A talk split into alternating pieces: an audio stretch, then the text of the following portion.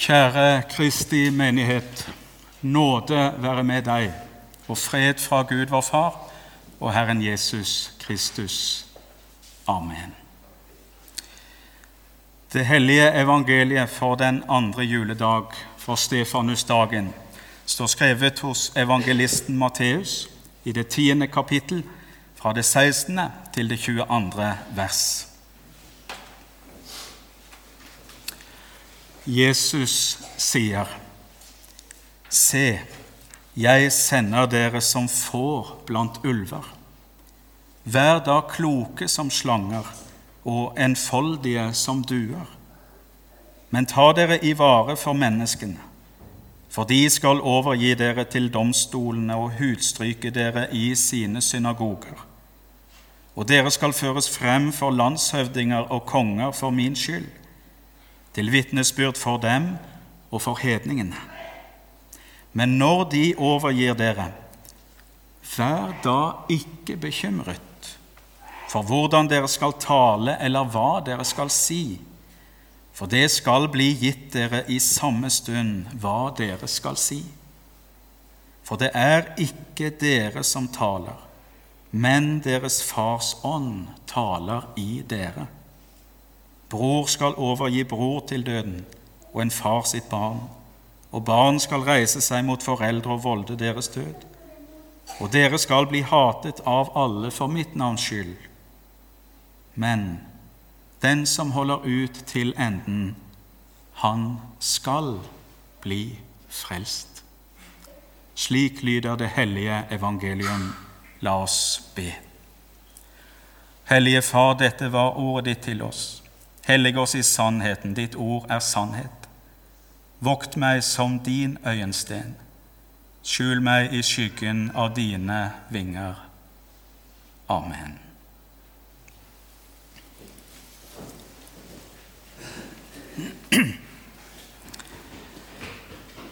I denne søte juletid bør man seg rett fornøye, skal vi synge før nattverden i dag. Søt og søt fru Blom. Midt i juleselskap, midt i julegaver, julekaker, julekos osv., så, videre, så kommer den til oss, juledagene sin egen reality check. Den dagen vi som regel kaller for andre juledag, men som fra enda eldre tider har blitt kalt for Stefanusdagen etter kirka sin første martyr, diakonen Stefanus som vi las om ifra apostelgjerningene. Noen uker før jul så var jeg og så et julespill hvor bl.a. mitt kjære fadderbarn Selma på fire år og min gode venn Andreas, som er far hennes, hadde sine roller. Det var kirkelyden i Sædalen, eller Sædalen som arrangerte, og scenen var satt til den fiktive Bædalen et lite stykke fra Betlehem. Stykket fortalte på en varm og morsom og evangelisk måte juleevangeliet sett gjennom en liten sau sine øyne. De fleste som gikk fra Sedalen denne kvelden, de bar nok med seg litt ekstra julestemning. Og For de av oss som ikke hadde fått nok, så gikk turen videre til Sælen kirke for å lytte til ei framifrå framføring av Hendels Messias, hvor bl.a. vår egen Jakob var med. Og godt hjulpet av snøfallet så ble julestemningen komplett. Men det er ikke mye julestemning å spore i dagens preiketekst fra Bibelen. Ja, det eneste som kanskje kunne minne oss om noe i nærheten, det måtte være Jesu tale om sauer eller får jf. sauegjeterne på Betlehemsmarkene. Men her er det ikke noe hyggelig og romantisk tale om sauer. Her er det sauer eller får blant ulver. Dagens evangelium, som er henta fra Matteus, det er Jesu tale til de tolv apostlene. Han har kalla de til seg og de som nå skulle være kirka sine første ledere og lærere, de måtte nå være elever. De måtte ta imot for å ha noe å kunne gi. Før vår tekst så kan vi i vers 1 i Matteus 10 lese at Jesus kalte til seg sine tolv disipler og ga dem makt. Makt over urene ånder, så de kunne drive dem ut, og til å helbrede alle slags sykdommer og plager. Apostlene sin autoritet er gitt de av Jesus. Som Jesus sier, 'Den som hører dere, hører meg', og 'den som forkaster dere, forkaster meg'. Eller som i dagens evangelium, 'Det er ikke dere som taler, men deres Fars ånd taler i dere'. De er tett bundet til Kristus, og slik tett bundet til Far og de har fått makt fra Han, altså kraft, autoritet og rett til å utøve deres kall på Jesu vegne. Det var Han som kalte dem, som òg ruster de ut og gjør de kvalifiserte. De går ikke i egen makt. De går ikke i egen kraft. De er gitt makt og kraft fra Han han som begynte en god gjerning i dem, og som vil fullføre den inntil Jesu Kristi dag. Og I vår tekst så taler Jesus om det som ligger foran, når de nå blir sendt ut i verden i tjeneste for Jesus. På veien så gir han de en slags strategi. Se, jeg sender dere som får blant ulver. Vær da kloke som slanger og enfoldige som duer. Jesus han gir ikke apostlene eller oss noen illusjoner om store resultat eller stor popularitet. Snarere tvert om. Han gjør ikke noe særlig velsmakende innsalg av det kristne livet. Det er ikke snev av herlighetsteologi i Jesu munn. Heller ikke, ja, særlig ikke her. Se, jeg sender dere som får blant ulver. Derfor sier Jesus til apostlene og til oss i dag.: Vær da kloke som slanger og enfoldige som duer. Dette er ikke, selv om det kan se sånn ut, noen motsetninger som skal leve i et kristent menneske. Det er to sider som blir forent, som begge hører med og er viktige. For det første kloke som slanger. Vi trenger klokskap for ikke å falle i de fellene som motstanderen så ofte setter opp for oss. Jesus sender oss jo ut som sauer blant ulver. Derfor gjelder det å være klok, slik at en er oppmerksom på hva det er som rører seg, og hvor ulven er. Det er et krevende liv som ligger føre for den som følger Jesus. Jesus legger aldri skjul på det, verken i dagens evangelium eller andre steder i sin forkynnelse. Orda om at en må ta opp sitt kors for å følge Jesus, er vel kjent. Og Dette temaet sang vi også om i salmen før preika i Brorsons kjente 'Korset vil jeg aldri svike'. Verden kan være full av ulver og farer, ja, til og med djevler som vil sluke oss opp. Derfor skriver apostelen Peter i sitt første brev.: Vær edrue våk. Deres motstander djevelen går omkring som en brølende løve og søker noen han kan oppsluke. Stå ham imot, faste i troen. Apostelen Peter han hadde sjøl fått høre Jesu undervisning og fått strategien direkte fra han. Og Apostelen hadde fått erfare at Luthers kjente salmevers, at det er sant og rett. Om verden full av djevler var som ville oss oppsluke. Vi frykter ei, vi med oss har, den mann som kan dem true. For tross alt det som den onde vil kaste på oss, så har vi med oss den mann som kan dem true. Jesus sjøl. Vi går ikke i egen makt, men i Han. Derfor gjør vi klokt i å holde oss nær til Han, til de kjeldene som stadig fører oss til Han, i ordet, i dåpen, i skriftemålet og i nådværen.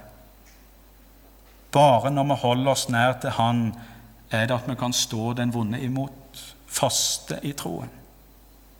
Den som holder seg nær til disse kjeldene, han vil ikke bli oppslukt. Men han blir lik en forstandig mann som bygde huset sitt på fjellgrunn.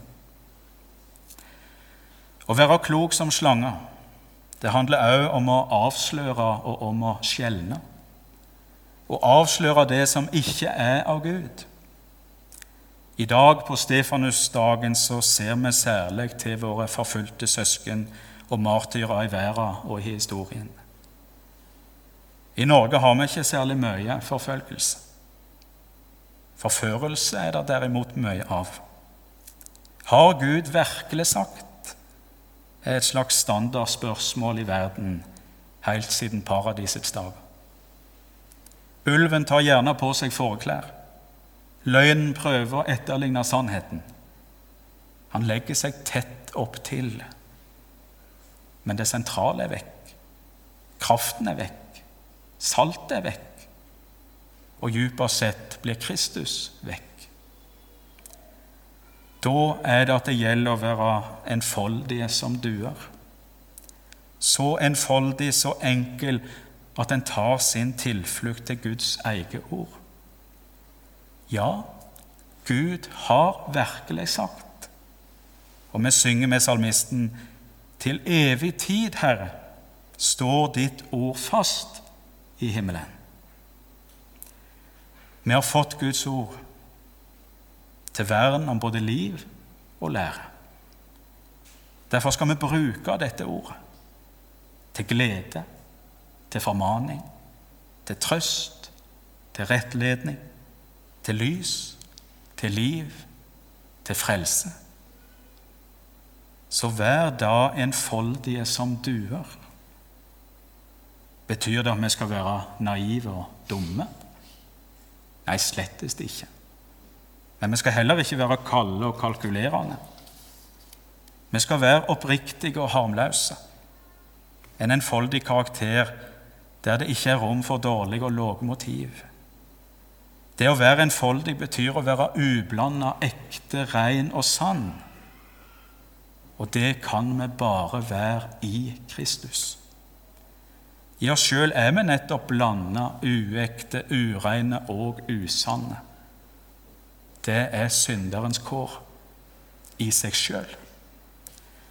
Men i Kristus er synderen blitt ublanda, ekte, rein og sann, fordi vi har fått alt hans da han tok alt vårt på seg. Som Paulus skriver, han som da han var i Guds skikkelse, ikke holdt det for et røvet bytte å være Gud lik, men uttømte seg selv idet han tok en tjenerskikkelse på seg da han kom i menneskers lignelse.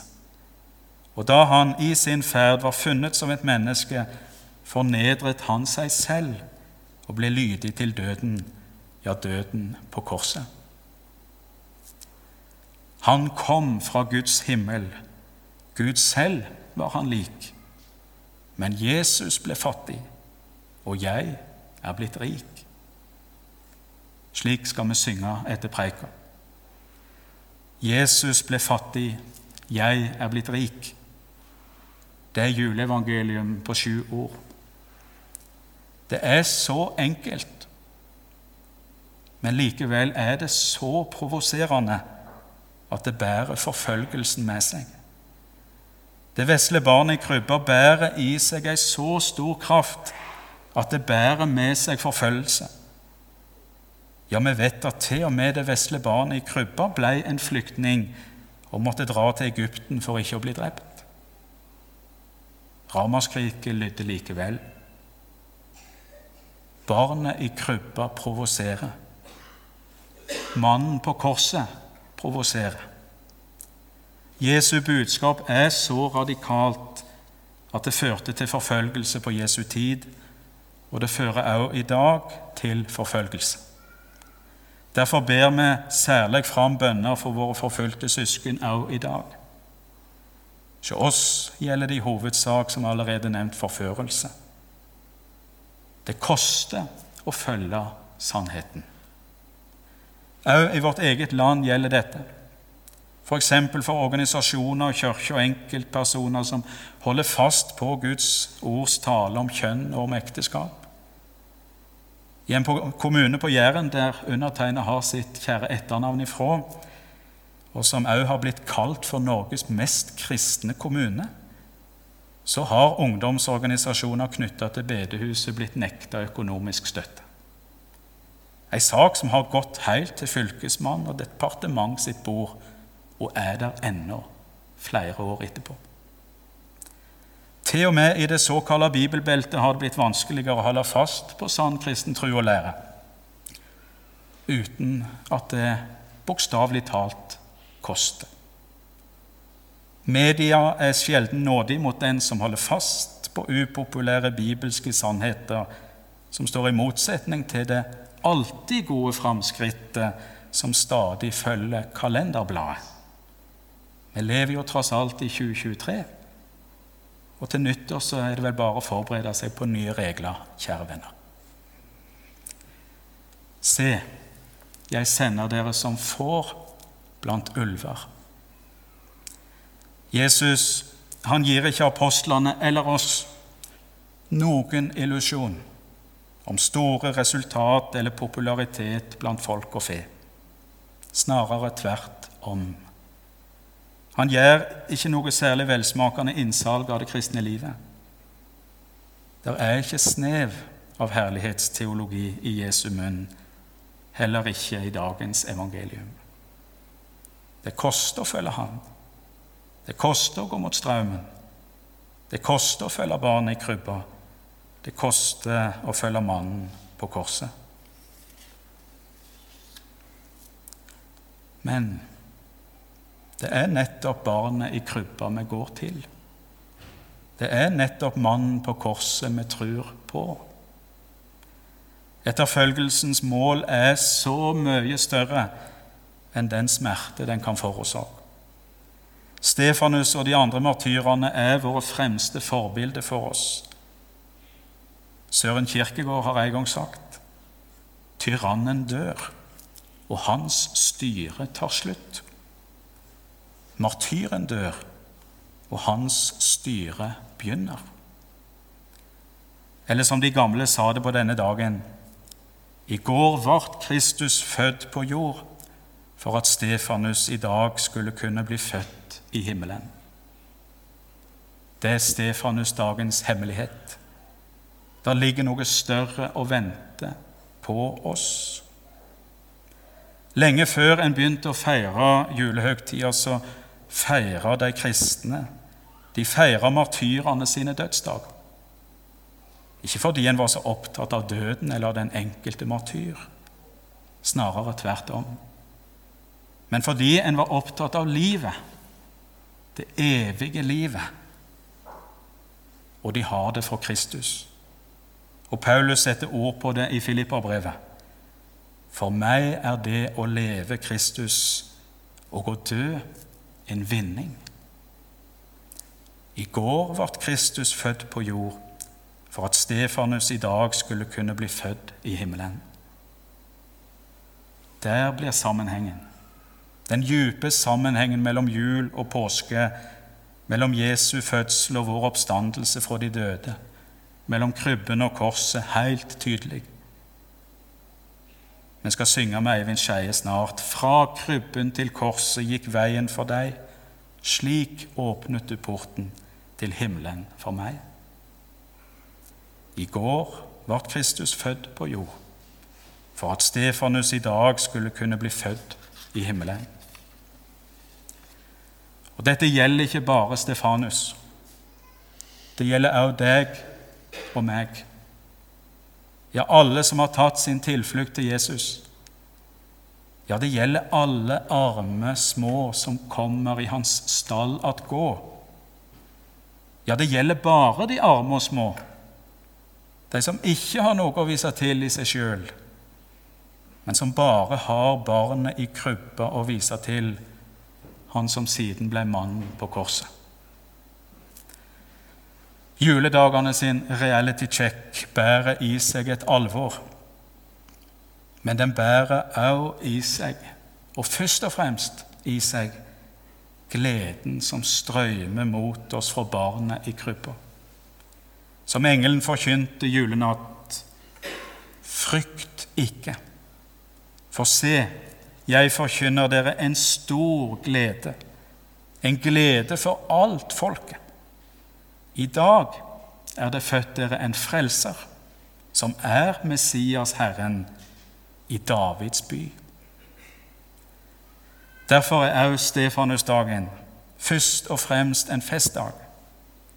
En dag som viser oss veien, veien dit vi virkelig er på vei.